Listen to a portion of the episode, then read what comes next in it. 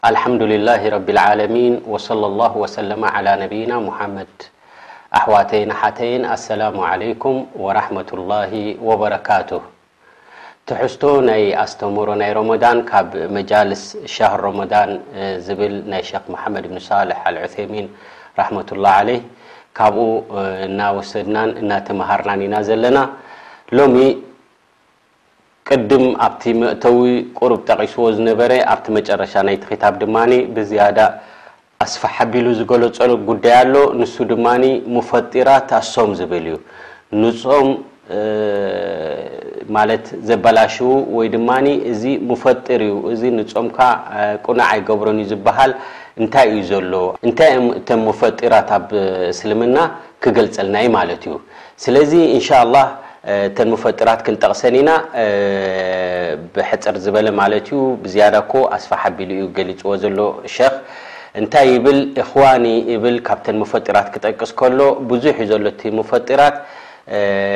ነተን ቀንዲ ዝኾና እንተን ርእሲ ዝኾና ክንጠቕሰን ኢና ኢሉ بحر تح ن أتو لو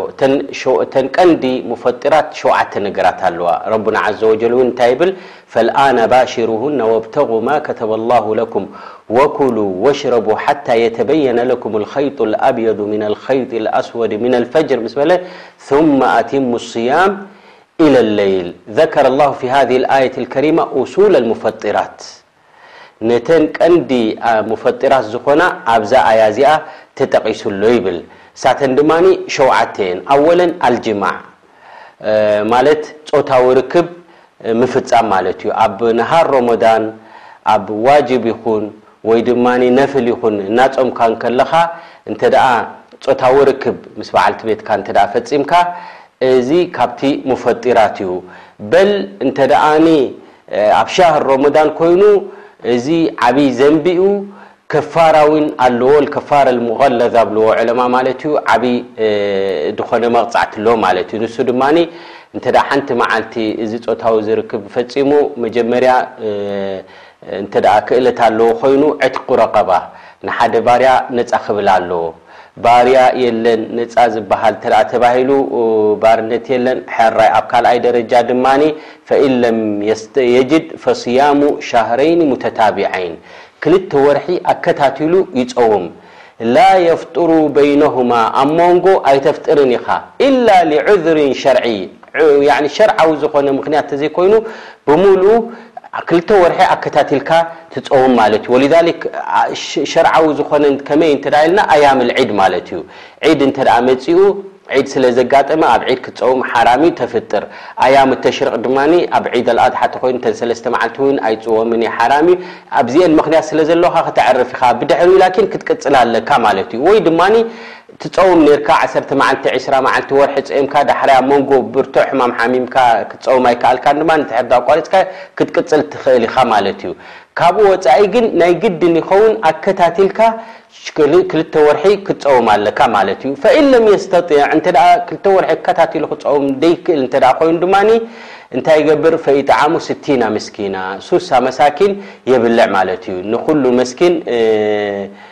ንስፊ ኪሎ ወዓሽር ግራማት፣ ፍርቂ ኪሎን ዓሰርተ ግራምን ዝኣክል መግቢ ትውጽእ ማለት እዩ። ወይ ተጠቢኹ መግቢ ተሰሪሑ ወይ ድማ ብጥሪኡ እንከሎ ንሓደ ምስኪን ትህቦ ማለት እዩ። ንኽንደይ ንሱሳ መሳኪን ከተብልዕ ኢኻ ማለት እዩ። ኪሎን ንስፍ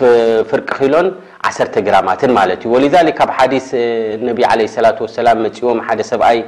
ወቀዐ ቢምረኣቲ ምስ በዓልቲ ቤቱ ጾታዊ ርክብ ዝፈጸመ ማለት እዩ ንረሱል ዓለይሂ ሰላቱ ወሰላም ምስ ሓተቶም ኢሎሞ ሃል ተጅዱ ረቀባ ባርያ ነጻ ክትብል ዶ ትኽእል ኢሎሞ ኣይክእልን እየ ኢልዎም ቃል ሃል ተስተጢዑ ስያሙ ሻህረይን ሙተታቢዐይን ክልተ ወርሒኸ ክትጸውም ዶ ትኽእል ኢሎሞ ኣይክእልን እየ ምስ በለ ቃል ፍኣጥዕም ስቲና ምስኪና ሱሳ ምስኪን ከተብልዕ ኣለካ ኢሎሞ ማለት እዮም እዚ ሓዲስ እዚ ኣብ ብነዊሑ ኣብ ሰሒሐይን ኣብ ኪ ኣብ ቡኻሪ ወሙስሊም ይርከብ ማለት እዩ ስለዚ ካብተን ሙፈጢራት ጾታዊ ርክብ ምፍጻም ከምኡ ድማ ኢንዛል ኣልመኒይ ብእኽትያሪሂ ብተቅቢል ኣው ለምስ ኣው እስቲምናእ ኣው ገይሩ ዛሊክ ከምኡ ድማ ናይ ዘርኢ ፈሳሲ ካብ ኣካላትካ ምስዳድ ማለት እዩ ብምስዓም ይኹን ወይ ድማ ብምትንካፍ ይኹን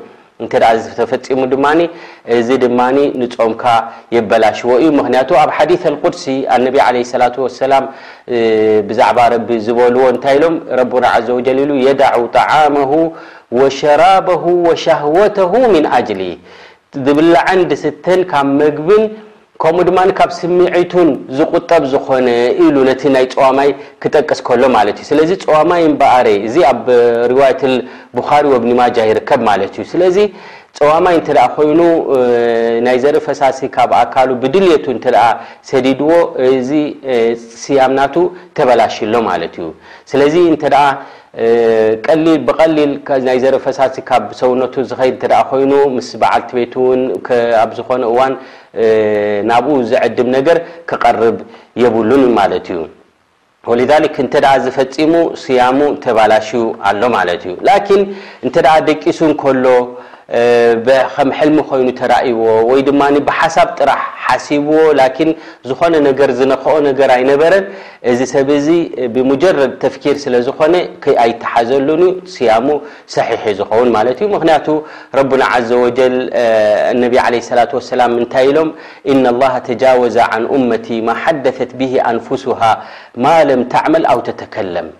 ሓደ ሰብ እንተደኣ ብነፍሱ ድሓስቦ ይኹን ወይ ድሓስቦ ይኹን ስኒ ብኡ ረቢ ስብሓን ወተዓላ ኣይሕዞን እዩ እንተደኣ ተዛሪብዎ ወይ ድማ እንተ ኣብ ተግባር ኣውዒልዎ እዩ ረቢ ስብሓን ወተዓላ ዝተሓሳሰቦ ማለት እዩ ስለዚ ኣብ ሕሳብ ድኣቱ እምበኣረይ እዚ ሰብ እዚ ብምሕሳብ ጥራሕ ስለ ዝኾነ ዝኾነ ነገር እውን ዝገበሮ ስለ ዘይብሉ እዚ ጾም እውን ኣየባላሽወሉን እዩ ማለት እዩ እዚ ክልተ ሳልሳይ ድማ ኣልኣክሉ ኣው ሽሩብ ምብላዕን ምስታይን፣ ጠብዓን ምብላዕን ምስታይን ሁወ ኢሳሉ ኣጣዓሚ ኣው ኣሸራብ ኢለል ጆፍ፣ ዝብላዕን ዝስተይን ኣብ ከብድኻ ምብጻሕ ማለት እዩ። ብኣፍካ ይኹን ወይ በፍንጫኻ ይኹን እንተድኣ እንተድኣ ኣትዩ መግቢ ናብ እናፈለጥካ ማለት እዩ ኣብ ኣብ ከብድኻ እዚ ጾምካ የበላሽው ማለት እዩ። ወሊዛሊክ ረቡና ዓዘ ወጀል ወኩሉ ወሽረቡ ሓታ የተበየነ ኣልኸይጡ ኣልኣብየዱ ሚነል ኸይጢል ኣስወድ ሚን ኣልፈጅር ኢሉ ሕጂ ክንበልዕን ክንሰቲን ካብ ኣፍቂዱልና ኣብ ሮሞዳን ማለት እዩ ካብቲ ፈጅሩ ሳድቅ ጀሚርካ ክሳብ ጸሓይ ትዓርብ ድማ ካብ ዝብላዕን ካብ ዝስተን ክትቁጠብ እዩ ዘለካ ثመ ኣቲሙ ስያም ኢለ ለይል ስለ ዝበለ ስለዚ ዝብላዕን ዝስተን ወላ እኮ በፍንጫኻ ተሳሒቡ ኣትዩ እንድሕር ናብ ከብድኻ እንድሕር ዳድበጽሕ ኮይኑ እዚ የፍጥር እዩ ምኽንያቱ ነብይና ሙሓመድ ዓለይሂ ሰላቱ ወሰላም እንታይ ኢሎም ወባልግ ፊል ኢስቲንሻቅ ኢሎም ውዱእ ክትገብር ከለኻ እስቲንሻቅ ስኒ ባልቅ ኢሎም ማለት ኣጸቢቅካ እስቲንሻቅ ግበር ኢኻ ማይ በፍንጫኻ እናሰሓብካ ተውጽኦ ማለት እዩ ኢላ ኣን ተኩና ሳኢማ ኢሎም እዚ ኣብ ትርምዚ ወብኒ ማጃህ ዝርከብ ሓዲስ ማለት እዩ ስያ ጸዋማይ እንተ ኮይንካ ግን ክትጥንቀቅ ኣለካ ኣብ ኣፍንጫኻ ማይ ክት ማለት እስቲንሻቅ ወስቲንሳር ክትገብር እንከለኻ ኣብዚ ግዜ እዚ ክትጥንቀቅ ኣለካ ስለ ዝበሉ እምበኣረይ በፍንጫ ዝኣቱ ማይ ከፍጥረካ ስለ ዝኽእል እዩ እሞ በፍንጫኻ እንተ ኣትዩ ዝኾነ ዝስተይ ድዩ ዝኾነ ነገር እዚ ውን ንስእምካ ከባላሹ ስለ ዝኽእል ክትጥንቀቕ ኣለካ ማለት እዩ ላኪን ድኾነ ነገር እንተ ጨንዩካ ጨና እንተ ኮይኑ እዚ ንጾምካ ኣይነክእን እዩ ኢላ እንታይ ክኸውን የብሉን ብኹር ክኸውን የብሉን ብኹር እንተ ኮይኑ ላኪን እዚ ከም ዕጣን ዓይነት ኮይኑ ብርቱዕ ዓይነት ኣሎ እንተ ኣጸቢቕካ ሸቢልካዮ ኣቕሪብካዮ ግን ካብኡ ዝወጽእ ነገር ስለ ዘሎ እሞ በፍንጫኻ ስለ ትስሕቦ ስለ ዘለኻ እዚ ከበላሽ ንጾምካ ከበላሽወልካ ይኽእል እዩ እዚ ሰለስተ ማለት እዩ ራብዓይ ማካና ብማዕነ ኣክል ወሹርብ ከም መግብን መስተን ዝቑጸር ነገር ድማ ከም ምንታይ ይብል ሓቕኑ ደም ፊሳኢም ንጸዋማይ ደም እንተ ተዋሂቡ ደም እንተ ተዋሂቡ እዚ ጾሙ የባላሽው ይብል ሸኽ እብኒ ዑሰይሚን ላኪን ኣብ ካሊእ ዳሕራይ ኣብ ኪታቦም ኣብዚ መጃልስ ሻህር ሮመዳን እንታይ ይብል ሃዛ ማ ኩንቱ ኣራሁ ምን ቀብል ኢሉ ቀደም ከምኡ እዩ ዝረኣ ዝመስለኒ ነይሩ እንተ ደም ኣእቲኻም ነፍስኻ እንተ ደም ሂቦምኻ ስኒ ስያምካ ዘባላሽው ላኪን ብሓቂ ብስቲ እቲ ሓካይም ውን ዝብልዎ ምስ ኩሉ ምስ ረኣኽዎ ግን ኣየፍጥርን እዩ ደም እንተ ተዋሂብካ ደም እንተ ወሲኾምልካ ኣብ ሰውነትካ ማለት እዩ ንጾምካ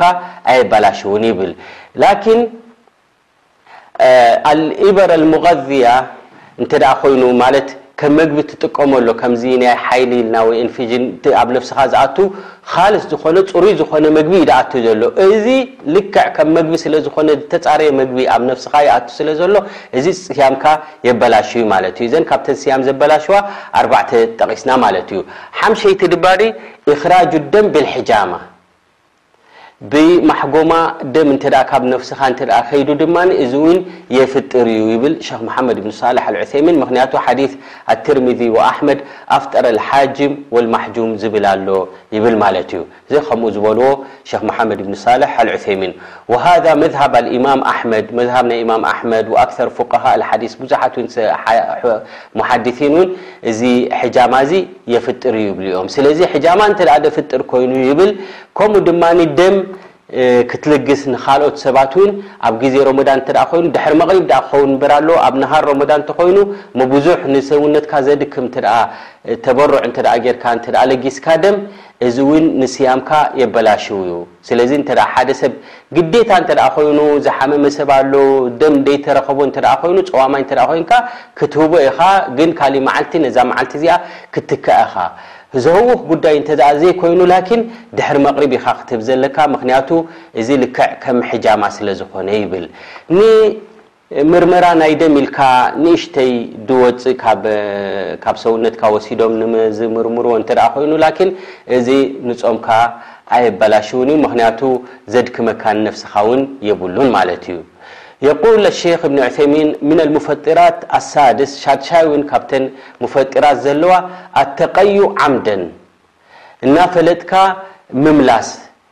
ኣብ ከብድኻ ደሎ ዕግርግር ይብሉኒ ኢልካ እንተደኣ እናፈለጥካ እንተደኣ ኣውጺኻዮ እዚ እውን የፍጥር እዩ ይብል መኽንያቱ እቲ ሓዲስ ኣብ ኣሕመድ ወኣቢ ዳውድ ካልኦት እውን ሪዋያ ዘሎ ማለት እዩ መን ዘራዐሁ ልቀይ ፈለይሰ ዓለይሂ ቀዷእ ወመን ኢስተቃኣ ዓምደን ፈልየቅዲ ዝብል ኣሎ ባዕሉ እንተ ወጽዩ ካብ ብደይ ድሌትካ እንተ ኮይኑ ኣየፍጥርን እዩ ላኪን እናፈለጥካ ባዕልኻ እንተ ኣውጺኻዮ ላኪን እዚ ንስያምካ የበላሽው ይብል ማለት እዩ ስለዚ እዚ ዓይነት እዚ ሙፈጢራት ስለ ዘሎ ካብዚ ሰብ ክጥንቀቕ ኣለዎ ማለት እዩ ካሊእ ካብቲ ሙፈጢራት ሻውዓይ ማለት እዩ ኹሩጅ ደም ልሓይድ ወኒፋስ ጓል ኣንስተይቲ እንተ ደኣ ናይ ማለት ናይ ኣዴታታ ደም እንተ መጺዋ ከምኡ ድማ ጥንስቲ እንከላ ትጸውም ኔራ እሞ እንተ ሓሪሳ እዚ ኒፋስ ይበሃል ማለት እዩ ደም ክፈሳ ስለ ዝኾነ ኣብዚ ግዜ እዚ ኣብ ናይ ኣዴታታ ደም እቲ ልሙድ ናይ ወርሓዊ እንተ መጺዋ ስያማ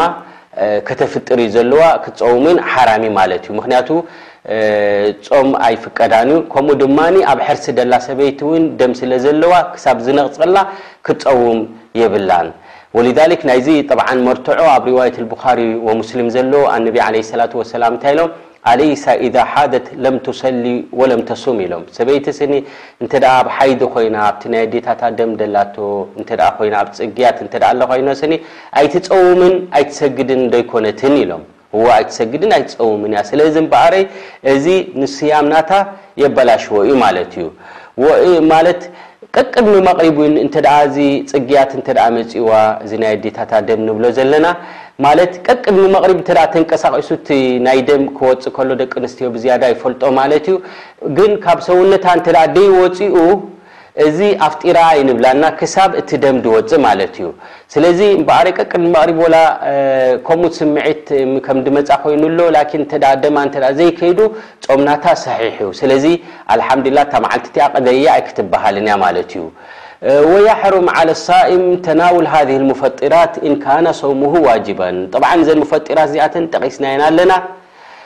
ነዚ ሙፈጢራት እዚ ብፍላይ ፈርድ እንተ ኮይኑ እቲ ትጾሞ ዘለኻ ኣብ ግዜ ሮሞዳን ክትቀርቦ የብልካን ማለት እዩ ከሶውሚ ሮሞዳን ወልከፋራ ወኑዙር እንተ ኮይኑ ነዝር መጽብዓ ዝኣተኻዮ እንተ ኮይኑ ነዚ ክትጥንቀቕ ኣለካ እንታይ ጾምካ ንኸይባላሾ ማለት እዩ ድኾነ ይኹን ሰብ ወላ እኮ ማለት ሱና ዝሰግድ እንተ ዝጸውም እንተ ኣሎ ኮይኑ ሱና እና ጾመ እንከሎ እንተ ብዘይ ዑዝር ሸርዒ ውን ሱቕ ኢሉ ውን ክገድፎ የብሉን ማለት እዩ። ምክንያቱ ሓደ ስራሕ ዝጀመርካዮ ብሸርዓዊ ተዘይኮይኑ ሱቕ ኢልካ ከተፍጥሮ ክትቋርጾ የብልካን ማለት እዩ። ወላ ቱብጢሉ ኣዕማለኩም ይብል ረቡና ዓዘ ወጀል ጠብዓን ወዲ ሰብ ምርጫ ኣለዎ እንተ ናፊላ እንተ ኮይኑ ወላ ኣነ ሎማዓንቲ ደኺመ እየ ዘለኹ ክእለት የብለይን ከፍጥር እየ እንተ ኢሉ ከፍጥር እውን ይኽእል እዩ ማለት እዩ እቲ ዝበለፀ ግን ሓደ ስራሕ ድዝጀመርካዮ ከተቋርፆ የብልካን ክሳብ ኣብቲ መጨረሽኡ ከተብፅሖ እዩ ዘለካ ማለት እዩ እዘን ሙፈጢራት እዚኣተን ዝጠቐስናየን እዘን ሸውዓተ እዚኣተን ሓደ ሰብ ከፍጥሮ ኣይክእላን እየን ኢላ ብሰለስተ ነገር ተዘይኮይኑ ቀዳማይ ዓልም ክኸውን ኣለዎ እንዳፈለጠ ክኸውን ኣለዎ ነታ ዝፍጽማ ዘሎ ካልኣይ ድማ እናዘከረ ክኸውን ኣለዎ እንተ ብምርሳዕ ኮይኑ ውን ኣይተሓዝን እዩ ከምኡ ድማ ብድሌቱ ክኸውን ኣለዎ እንተ ብዘን ሰለስተ እዚኣተን ዓይነት ዘፍጠረ እንተ ኮይኑ ናይ ግድን እዛ ስያም እዚኣ ተባላሽ ኣላ ማለት እዩ ክትክኦ ኣለዎ ማለት እዩ ወሊዛሊክ ኣን የኩነ ዓሊመን እናፈለጠ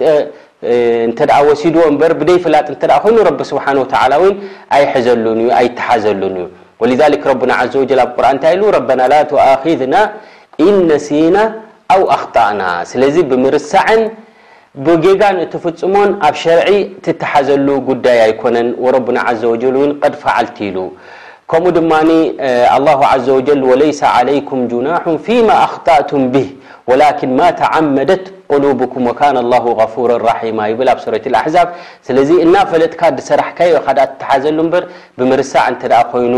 ወይ ብጁህሊ ብሕክሙ ሸርዒ እንታይ ምዃኑ ደይትፈልጥ ነይርካ እንተ ድኣ ኮይንካ እዚ ኣይትተሓዘሉን ኢኻ ማለት እዩ ወሊዛሊክ ብጌጋ ከም ደይትተሓዘሉ እንተ ድኣ ምናልባሽ ሓደ ሰብ ጌና ኣይወግሐን ኣሎ ኢሉ እናበልዐ ዝጸንሕ እሞኒ እሞ ከም ድወግሐ እንተ ፈሊጡ እሞ ምስ ወግሐ በሊዕ ከኣ ካስያም ካብ ኣጥልዩ ክንብሎ ኣይንኽእል እና ምኽንያቱ ጌና ኣሎ ስለ ዝብል ስለ ዝነበረ ማለት እዩ ከምኡ ውን ጸሓይ ዝዓረበት ይመስሎ ጸሓይ ዓሪባ ኣይሉ ክበልዕ ይጅምር እንተ በሊዑ ውን ጸሓይ ድዓረበት መሲላቶ እዚ ሰብ እዚ ብጌጋ ስለ ዝኾነ ውን ኣይተሓዘሉን እዩ ማለት እዩ ልክዕ ከምዚ ዓይነት እዚ ኣብ ግዜ ረሱል ኣጋጢሙ ሓደ ካብቶም ሰሓባ እቲ ኣያ ሓታ የተበየነ ለኩም ልኸይጡ ልኣብየዱ ምነ ልኸይጢ ልኣስወዲ ምነ ልፈጅር ትብል ስኒ ንሳ ካብ ምንታይ ገይሩ ተረዲእዋ ማለት እዩ ፀሊምን ፃዕዳን ገመ ፈትሊ ወይ ገመድ ሒዙ ንዐን ክሪኤን ሓዲሩ ሰኡል ድማ ይበልዕ ነይሩ ማለት እዩ እንታይ እዩ መሲልዎ ማለት እዩ ልኸይጢ ልኣብየድ ምነ ልኸይጢ ልኣስወድ ስኒ ከምኡ ገይሩ ተረዲእዋ ወሊዛሊክ ናብ ረሱል ዓለይሂ ሰላቱ ወሰላም ምስ መፀ ኢሎሞ እሞ እቲ ለይትኻ ደኣ ነዊሕ ክኸውን እዩ እምበሪ ከምዚ እንተደኣ ኮይኑ ንሱ ዘይኮነ ኣልኸይጥ ኣልኣብየዱ ምነል ኸይጥ ኣልኣስወድ ድበሎ ወጋሕታ ናይ ናይ ቀትርን ጸላም ናይ ለይትን ማለት እዩ ኢሎም ኣነቢ ዓለይሂ ሰላቱ ወሰላም ነዚ ሰሓቢ ፈሲሮምሉ። እሞ ድማ እዛ ስያም እዚኣ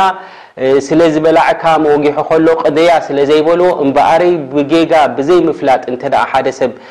በሊዑን ሰትዩን እዚ ሰብ እዚ ከም ደይተሓዘሉ ካብዚ ይበርሃልና ማለት እዩ። ወሊዛሊክ ኣብ ግዜ ረሱል ሰለላሁ ዓለይሂ ወሰለም እንታይ ትብል ኣስማእ ቢንት ኣቡበከር ኣፍጠርና ፊ ዓህዲ ነቢይ ሰለላሁ ዓለይሂ ወሰለም የውመ ጊማ ሱመ ጠለዐት ሸምስ ማለት እዚ ብ ሪዋየት ኣልቡኻሪ ዘሎ እዩ ጸሓይ ዓሪባ ኢሉ ሰብ ክበልዕን ክሰቲን ጀሚሩ ዳዓረበት መሲልዎም ግመ እዩ መጺኡ ጸልሚቱ ማለት እዩ ደሓር ተራእኻ ጽንሕ ኢሉስ ጸሓይ ወጺኣ እምበኣረይ እዛ መዓልቲ እታ እቶም ሰባት ማለት እዮም ኣነቢ ዓለይሂ ሰላቱ ወሰላም ቅደይዋ ስለ ዘይበልዎም ብጌጋ ዝፍጸም እንተ ደኣ ኮይኑ ኣብ ሸርዒ ኣይትተሓዘሉን ኢኻ በል ሸኸል ኢስላም ኢብኒ ተይሚያ እንታይ ይብል እዛ መዓልቲ እዚኣ ዝጸምዋስ እታ ዝበልዑላ መዓልቲ ኣነቢ ዓለይሂ ሰላቱ ወሰላም ቅደይዋ ኣይበልዎምን እዚ ብሓዲስ እውን ተረጋጊጹ ኣሎ ማለት እዩ ስለዚ ብጌጋ እትፍጽሞ እንተ ደኣ ኮይኑ ኣብ ሸርዒ እውን ኣይትተሓዘሉን ኢኻ ማለት እዩ። ከምኡ እውን ካብቲ ሸርጢ ኣፍጢርካ ኢኻ ክትብሎ ሓደ ሰብ እንተ ኮይኑ እንዳዘከሮ ሮሞዳን ምዃኑ እናፈለጠ እንተ በሊዑን ሰትዩን እምበሪ ብምርሳዕ እንተ ኮይኑ ኣይተሓዘሉን እዩ ኣብ ሸሪዓ ምክንያቱ ነቢ ዓለይሂ ሰላቱ ወሰላም መን ነስያ ወሁወ ሳኢም ፈኣከለ ኣው ሸሪባ ፈልዩቲመ ሰውመሁ ፈኢነማ ኣጥዓመሁ ላሁ ወሰቃህ ኢሎም እንተ ረሲዑ በሊዑ ሰትዩ ስኒ ስያሙ ይመላኣዮ ኢሎም ኣነቢ ዓለይሂ ሰላቱ ወሰላም ምኽንያቱ እዚ ረቢ ስብሓን ወተዓላ ዘብልዖን ዘስተዮን እዩ ኢሎም ኣብ ሪዋየት ኣልቡኻሪ ወሙስሊም ይርከብ እዚ ሓዲስ እዚ ስለዚ እንተ ሓደ ሰብ ብምርሳዕ ፈፂምዎ ኮይኑ ኣብ ሸርዒ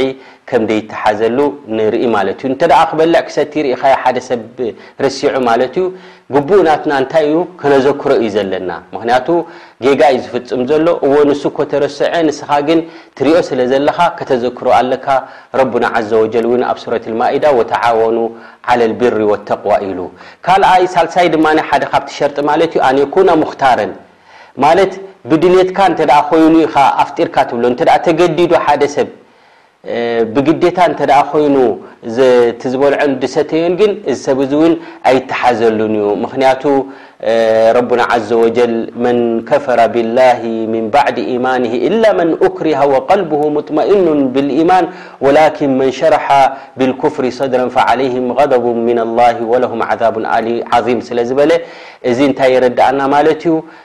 ሓደ ሰብ ተገዲዱ ሓደ ነገር እተ ፈፂምዎ ብግዴታ ስለ ዝኾነ ኣይተሓዘሉን ወሊዛሊክ ነቢዩና ሙሓመድ ዓለይሂ ሰላቱ ወሰላም እንታይ ኢሎም ኢነ ላሃ ተጃወዘ ዓን ኡመቲ ኣልኸጠኣ ወኒስያን ወማስቱክሪሁ ዓለይሂ ማለት ረቢ ስብሓን ወተዓላ ስኒ ብጌጋን ብምርሳዕን ብግዴታ እተገዲዶም ዝገብርዎን ዓፉ ኢልዎም እዩ ስለ ዝበሉ እዚ ጉዳይ እዚ ከፍጥረካ እዩ ንብሎ እንተ